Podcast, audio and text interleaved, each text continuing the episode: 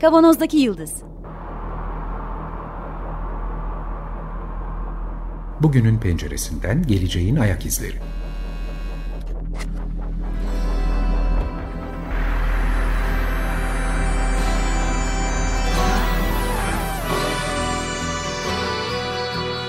Hazırlayan ve sunanlar İsmail Başöz, Haluk Levent, Mustafa Yılmazer ve Fethiye Erbil. Zorlu Holding Sürdürülebilirlik Platformu Akıllı Hayat 2030, herkes için daha yaşanabilir bir dünya diler.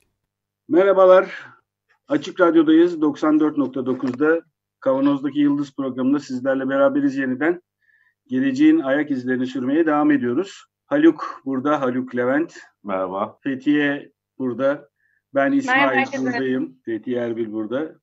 Ee, bugün bir de konuğumuz var. Konuğumuzu tanıtmadan önce kısaca e, geçtiğimiz hafta konuştuğumuz temas takip programları, telefonlara yüklenen temas takip programları, özellikle bu salgın döneminde koronavirüsün salgınını kontrol altına alabilmek için kullanılan bir teknolojik yöntem olan temas takip programlarını konuşmaya başlamıştık. Bugün konuğumuz olan sevgili Güçlü Akyürekli bu sürecin hukuksal boyutunu tartışacağız, konuşacağız.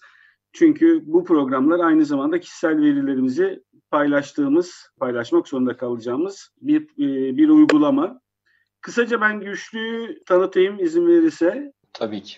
Güçlü şu anda MEF Üniversitesi'nde Hukuk Fakültesi'nin öğretim üyesi. Doçent Doktor Güçlü Akyürek 2004 yılında Galatasaray Üniversitesi Hukuk Fakültesinden mezun oldu.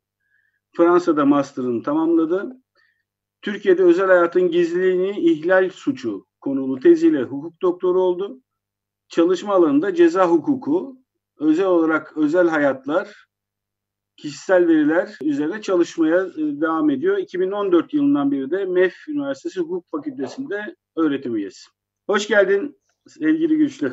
Hoş bulduk, çok teşekkürler. Ben yine kısaca bir tekrar bahsedeyim e, temas takip programlarının ne olduğuna dair. Hı hı. Özellikle Çin'deki ve Singapur'daki ve Güney Kore'deki uygulamalardan sonra çok gündeme geldi. Üzerine çok tartışmalar yapıldı. Birçok e, bilimsel dergide üzerine makaleler de yazılıyor. Yapılan şu, temelde bu salgını izlerken korona pozitif çıkan vakaları daha önceki temas ettiği kişiler ve olası bulaşma potansiyeli olan kişileri tespit edip bu insanlara izolasyon uygulayarak virüsün yayılma hızını durdurmak. Temelde e, amaçlanan hedef bu. Bu uygulama için daha çok Bluetooth temelli uygulamalar yapmaya çalışıyorlar. Bütün dünyada e, değişik komünikasyon şirketleri özel aplikasyonlar oluşturmaya çalışıyor ama bununla beraber yaygın çok iyi tanıdığımız işte Facebook gibi, Google gibi telefon kullanıcıları sürekli takip edebilen kuruluşlar da bu işin içinde olmak istiyorlar ve hepimizin aklına gelen soru tabii ki bu verilerimiz ne olacak, nasıl kullanılacak? Burada hukuki olarak ne gibi bir tehlikeler var, hukuki olarak neler yapmak gerekiyor? Senin bakış açısından dinlemek istiyorum.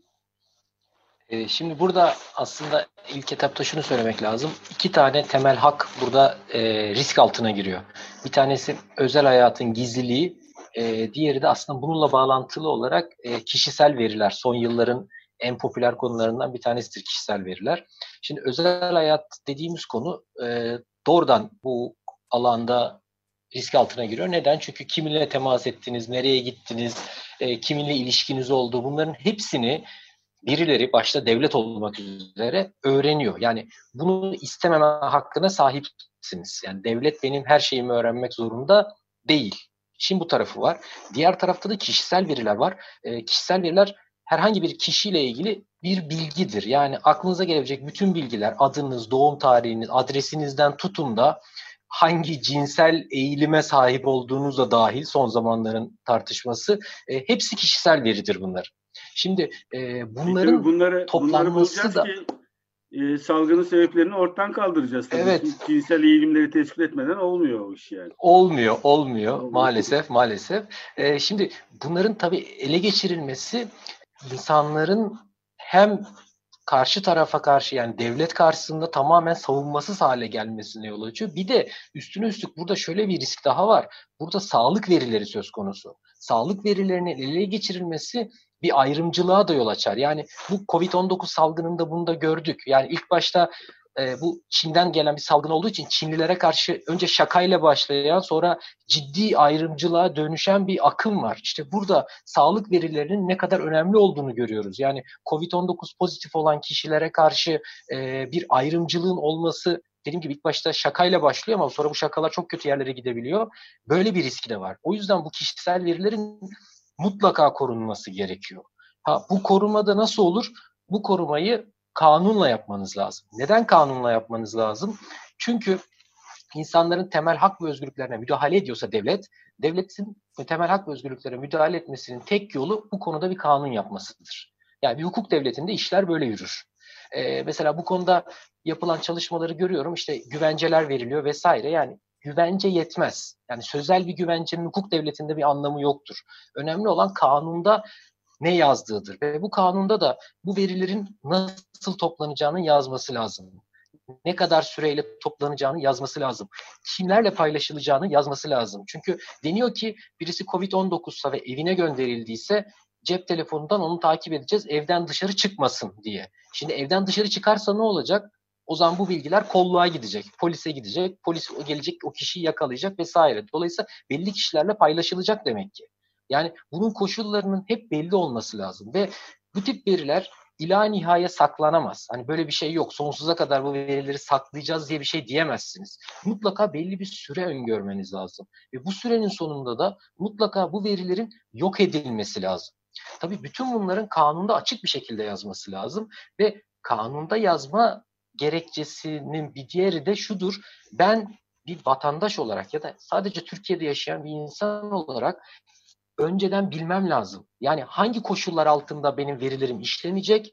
İkincisi ben bu koşullara uymadığım zaman nasıl bir yaptırımla karşılaşacağım? Şimdi ben eğer koşulların ne olduğunu bilmezsem bana nasıl yaptırım uygulayacaksınız? Şimdi deniyor ki cep telefonundan application'la takip edeceğiz. Peki dışarı çıkarsan polis gelip sana ceza kesecek. Peki benim baştan zaten bunun yasak olduğunu, tespit edilebilir olduğunu bilmem gerekiyor ki eğer ben bu hukuka aykırılığı yaparsam buna suç diyemeyiz.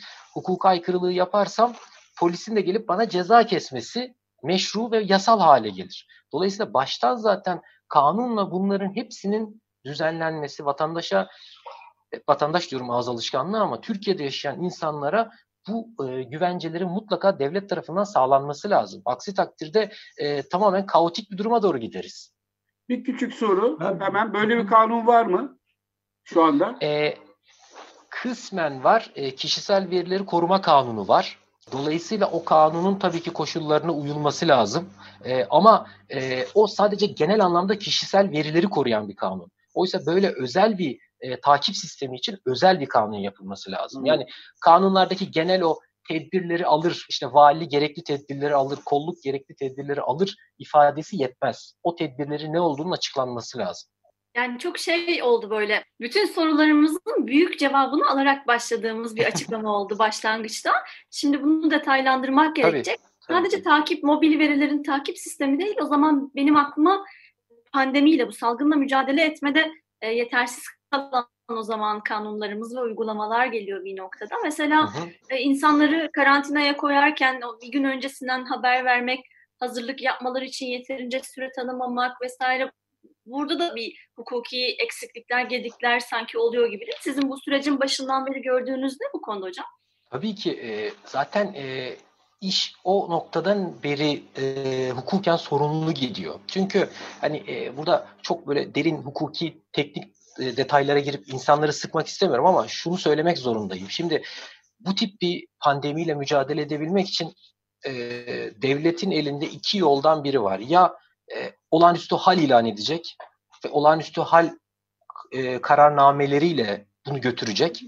Ama Türkiye'nin geçmişteki dene, yakın zamandaki deneyimi bu konuda çok iyi değil. Dolayısıyla anladığım kadarıyla siyaseten o hal ilan edilmek istenmiyor. Tamam. E, ama o zaman ona ilişkin yasal bir mevzuat ortaya koymanız lazım. Yani şu anda bu sokağa çıkma yasakları ile ilgili olarak dayanılan mevzuat yeterli değil. Çünkü o mevzuata, o kanunlara baktığınızda diyor ki işte vali gerekli tedbirleri alır, İçişleri Bakanı gerekli tedbirleri alır ama bu yeterli değil. Ben Türkiye'de yaşayan bir insan olarak o gerekli tedbirlerden ne anlaşılması gerektiğini bilmem lazım. Yani eğer öyle olsaydı bütün kanunları tek maddeyle yapardık. Derdik ki ilgili kişi gerekli tedbirleri alır der bitirirdik. Ne bileyim ceza yargılaması kanununa yazardık. Hakim gerekli kararları verir, gerekli tedbirleri alır. Hakim de bağımsız ve tarafsız bir otorite olarak bütün kararları verirdi. Ama öyle değil. En ayrıntılı kanunlardan biridir ceza yargılaması kanunu. Her atılan adımın nasıl atılması gerektiğini açıklar. Dolayısıyla burada da aynı sorun var. Yani o e, sokağa çıkma yasağının nasıl verilebileceği, ne kadar süreyle devam edebileceği, e, buna karşı mesela benim nereye başvurabileceğim, nasıl başvurabileceğim bunların hepsinin kanunla belli olması lazım. Gerekli tedbirleri alır. Bu anlamda yeterli bir açıklama değil. Kervan yolda düzülür şeklinde oldu bizim. Evet aynen biraz öyle oldu. Biraz öyle oldu. Yani şunu tabii ki çok net anlıyorum. Herhalde e, insanlık tarihindeki en zor günlerden birini geçiriyoruz. Yani bunun sebebi de şu. Hani geçmişte işte veba salgını olmuş, İspanyol gribi olmuş ama şu anda gelişen teknoloji karşısında biz bu salgını çok daha şiddetli hissediyoruz. Yani daha Türkiye'ye gelmeden, Çin'deyken, Wuhan'dayken neredeyse gün gün ne olduğunu biliyorduk. Yani bu kadar iç içe yaşadık. Oysa mesela İspanyol gribine baksanız onun bir ülkeden başka bir ülkeye gitmesi senelerce sürdü zaten. Yani o yüzden belki de insanlık tarihinde ilk defa bu kadar net bir krizle karşılaşıyoruz. Dolayısıyla devletlerin, e, yöneticilerin bocalamasını anlayabiliyorum. Çok mantıklı, insani bir durum. Ama e, bunu bir şekilde düzeltmek lazım. Yani kervan yolda düzülür. Tamam başta belki öyle oldu ama bir noktadan sonra bunu düzeltmek lazım. Bir hukuki zemine oturtmak lazım. E, şunu belirtmek gerekiyor. Yanılıyorsam düzeltin lütfen. Benim iddiam şu. Herhalde insanlık tarihinde bütün yeryüzünde aynı anda e, ve her yerde olan bir defa aynı anda her yerde olan büyük bir yalın çıplak bir gerçeklik yaşıyoruz. Yani kesinlikle doğru. Kesinlikle her doğru. Birden, doğal olarak da bir takım bir takım aksilikler olma ihtimali dediğin gibi yüksek. Evet, kesinlikle. Ben yani... bir şey sorarak devam etmek istiyorum aslında. Sözünüzü tabii, tabii, böldüm. Buyurun. Estağfurullah buyurun. Birazcık hani meseleyi son bir iki haftadır ta- tartıştığımız bu insanların verilerini mobil uygulamalar üzerinden takip etme, ondan sonra e, pozitif teşhisi konmuş insanları evlerinde takip etme, onların telefonuyla Çin'de yapıldığı gibi sesli evet. arama yapma, görüntülü arama yapma meselesi vardı ya. E, o noktada şeyi e, yakından takip ediyorsunuzdur diye düşünüyorum alanınız gereği. Mesela iki hafta önce Sağlık Bakanlığı'nın yayınladığı uygulama var, Hayat Hevesi var diye. Oradan evet. kimlik numaramızla giriş yapıyoruz ona. Ben gerçekten bulunduğum bölgedeki riski merak ettiğim için yani evet. açtım, kullanıyorum uygulamayı. Ama bütün verilerimi verdim ve benim her gün saat kaçta nerede olduğumu takip edebiliyor. E, bunun açıklaması yapıldığında da tanıtıldığında da şey denmişti. Yani bir süre sonra devlet bu verileri yok edecek. Buna dair herhangi bir özel bir kararname, bir genelge, bir, herhangi bir hukuki dokümanla karşılaştınız mı siz şu ana kadar Türkiye'de? Yok ben işin açıkçası ben de görmedim. Ee, söylediğiniz konuyu biliyorum.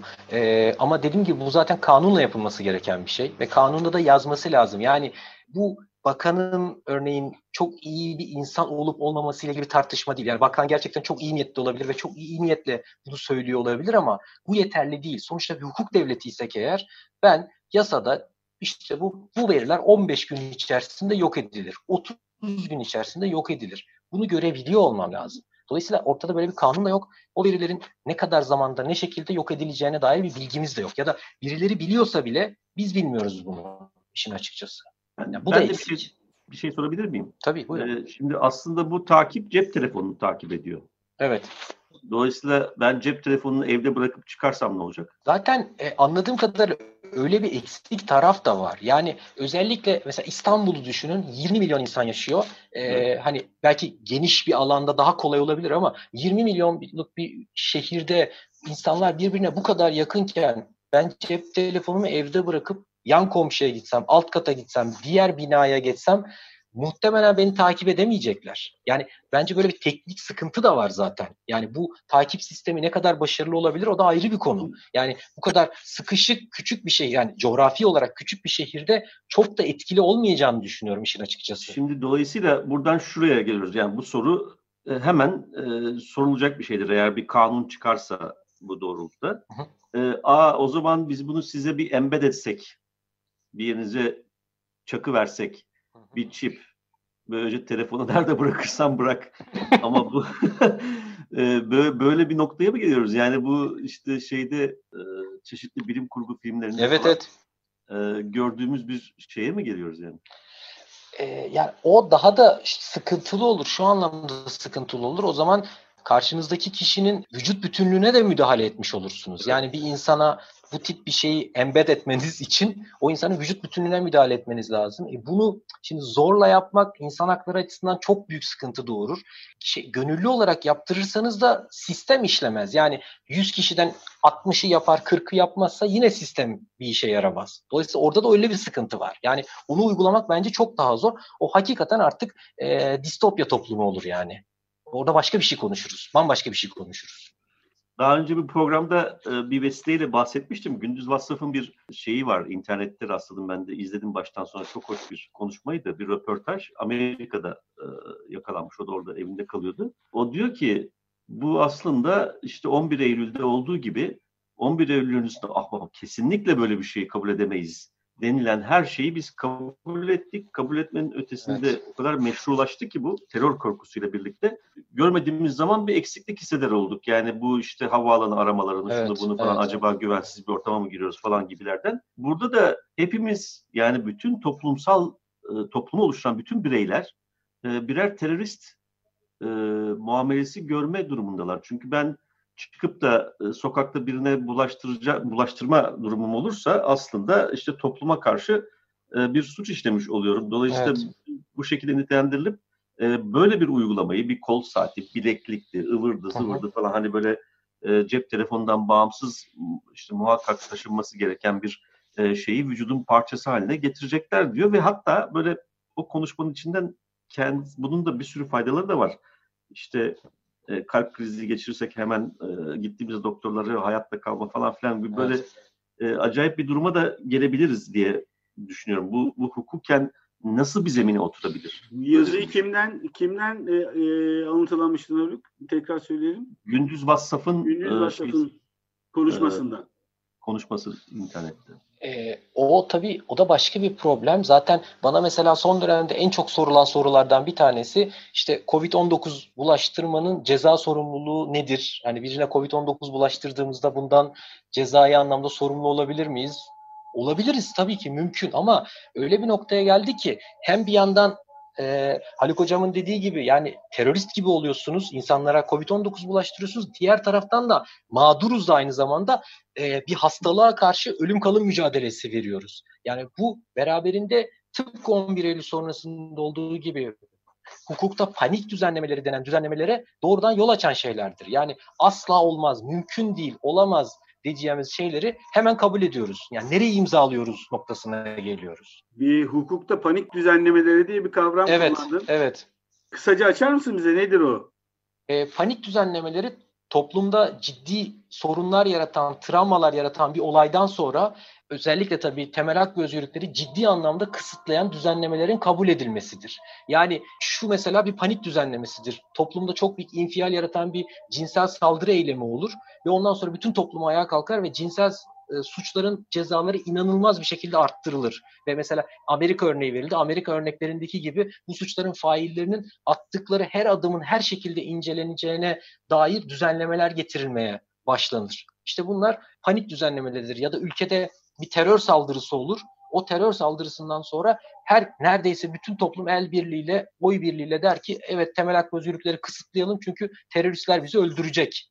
İşte bunlar hep panik düzenlemeleridir. Evet, bu biraz önce senin e, söylediğin bu panik düzenlemesi sohbetinden önce söylediğin e, şekle insanların bu sağlık durumuyla ilgili karşı karşıya kaldığımız panik halinde kendilerinin gönüllü katılımı da söz konusu bu aplikasyonlara. Verilerim alınsa bile ben takip edeyim ama ne olursa olsun şu anki kısıtlamalardan biraz uzaklaşırsak ne kadar iyi diyen evet. örneklerini gördük. Evet kesinlikle kesinlikle zaten e, bu tip düzenlemelerin kolaylıkla kabul edilmesinin sebebi de bu. Yani insanlar hani bir söz vardır ya Türkçe'de ölümü görüp sıtmaya razı olurlar. Biraz ona benziyor. Yani o kadar büyük bir kısıtlama var ki şu an aslında hepimiz bunu yaşıyoruz.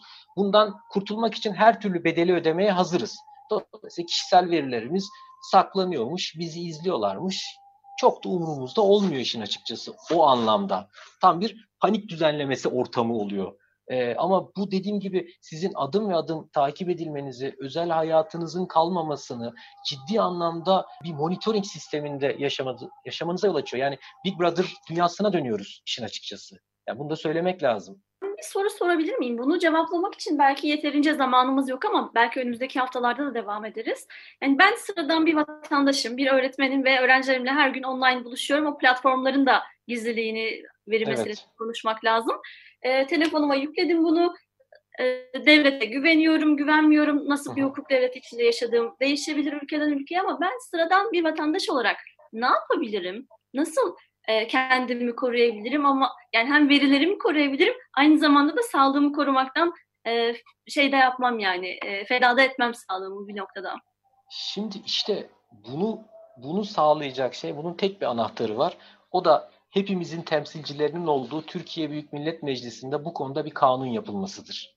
Çünkü orada bu konu tartışılacak ölçüllük ilkesi çerçevesinde, gerekli güvenceler çerçevesinde bir kanun yapılacak. Yani bunun şu ana kadar dünya tarihinde bulunabilmiş daha iyi bir çözümü yok. Şu çok gerçekçi değil. Yani ben öyle bir şekilde yaşayacağım ki benim kişisel verilerimi asla ele geçiremeyecekler. Maalesef bu mümkün değil. Artık böyle bir dünyada yaşamıyoruz. Başka bir boyuta geçtik. Dolayısıyla bu mümkün değil. Ama bunun ölçülü ve güvenceli bir şekilde olması lazım. Bunu sağlayacak olan da yani siz ben tek başımıza bunu tabii ki sağlayamayız. Bunu sağlayacak olan da bu konuda gerekli tartışmaları yapıp kanunu yapacak olan meclistir. Yani bunun tek çözümü budur işin açıkçası. Başka bir çözüm yok. Başka ülke örnekleri var mı? İşte otoriter devletlerle liberal demokrat devletlerin farklı davrandıklarını e, görüyoruz. Mesela Çin'de, Tayvan'da evet. zorunlu olarak bütün herkes e, bu uygulamayı kullanıyor mecburen. Evet, e, evet. Seçime bağlı değil ama mesela Singapur'da seçime bağlı, Kore'de öyle. Batı ülkelerinde, Batı diyorsak bize göre Batı olan ülkelerde evet. nasıl bu uygulamalar? Ee, şimdi tabii e, bunun en net örneklerinden bir tanesi hakikaten Çin. Çin'de bu çok radikal bir şekilde uygulanıyor. E, tabii şöyle bir sıkıntı da var. E, yani Çin'deki verilerin ne kadar şeffaf, ne kadar iyi olduğunu bilmiyoruz ki. Yani mesela ben genellikle listelere bakıyorum. E, bu COVID-19 pozitif olanların sayıları, e, vefat edenlerin sayıları.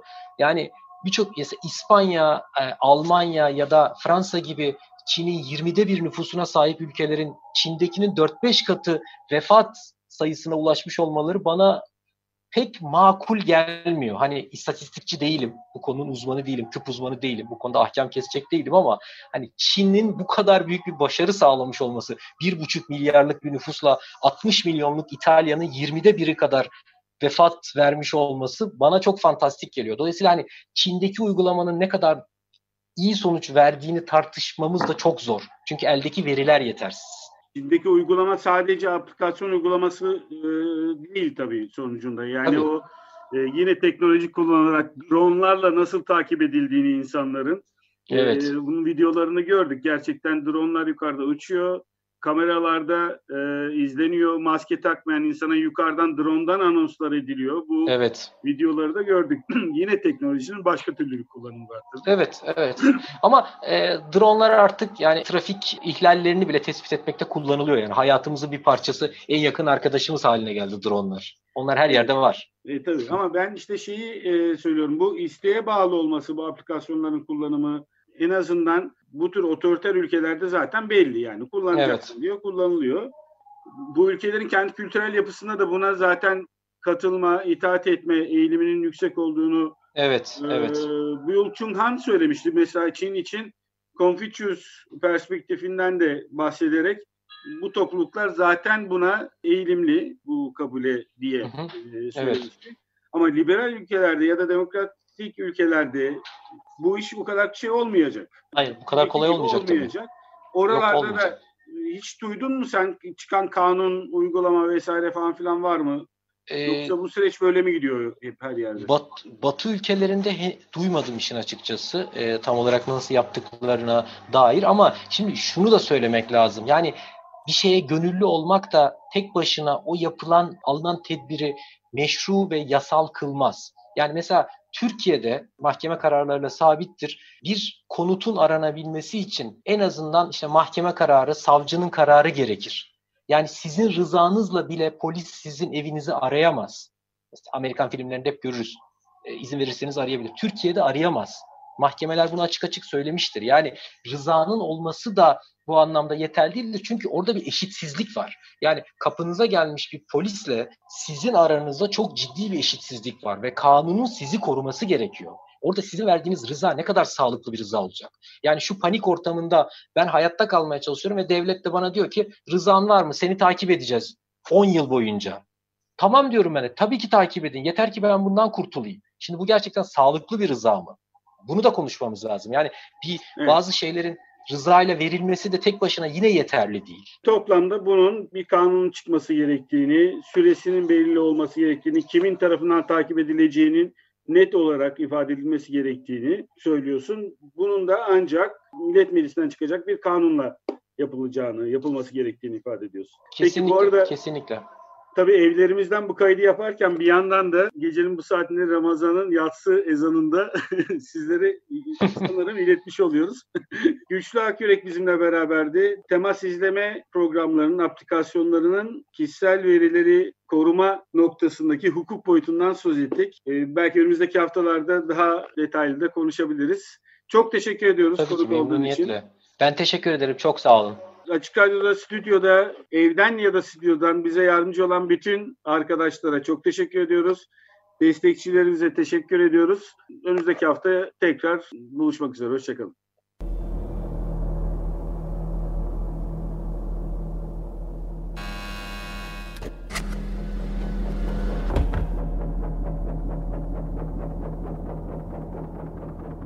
Kavanozdaki Yıldız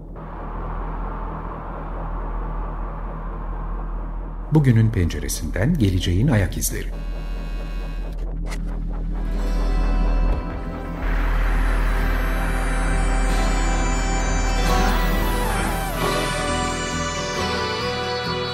Hazırlayan ve sunanlar İsmail Başöz, Haluk Levent, Mustafa Yılmazer ve Fethiye Erbil. Açık Radyo program destekçisi olun bir veya daha fazla programa destek olmak için 212 alan koduyla 343 41 41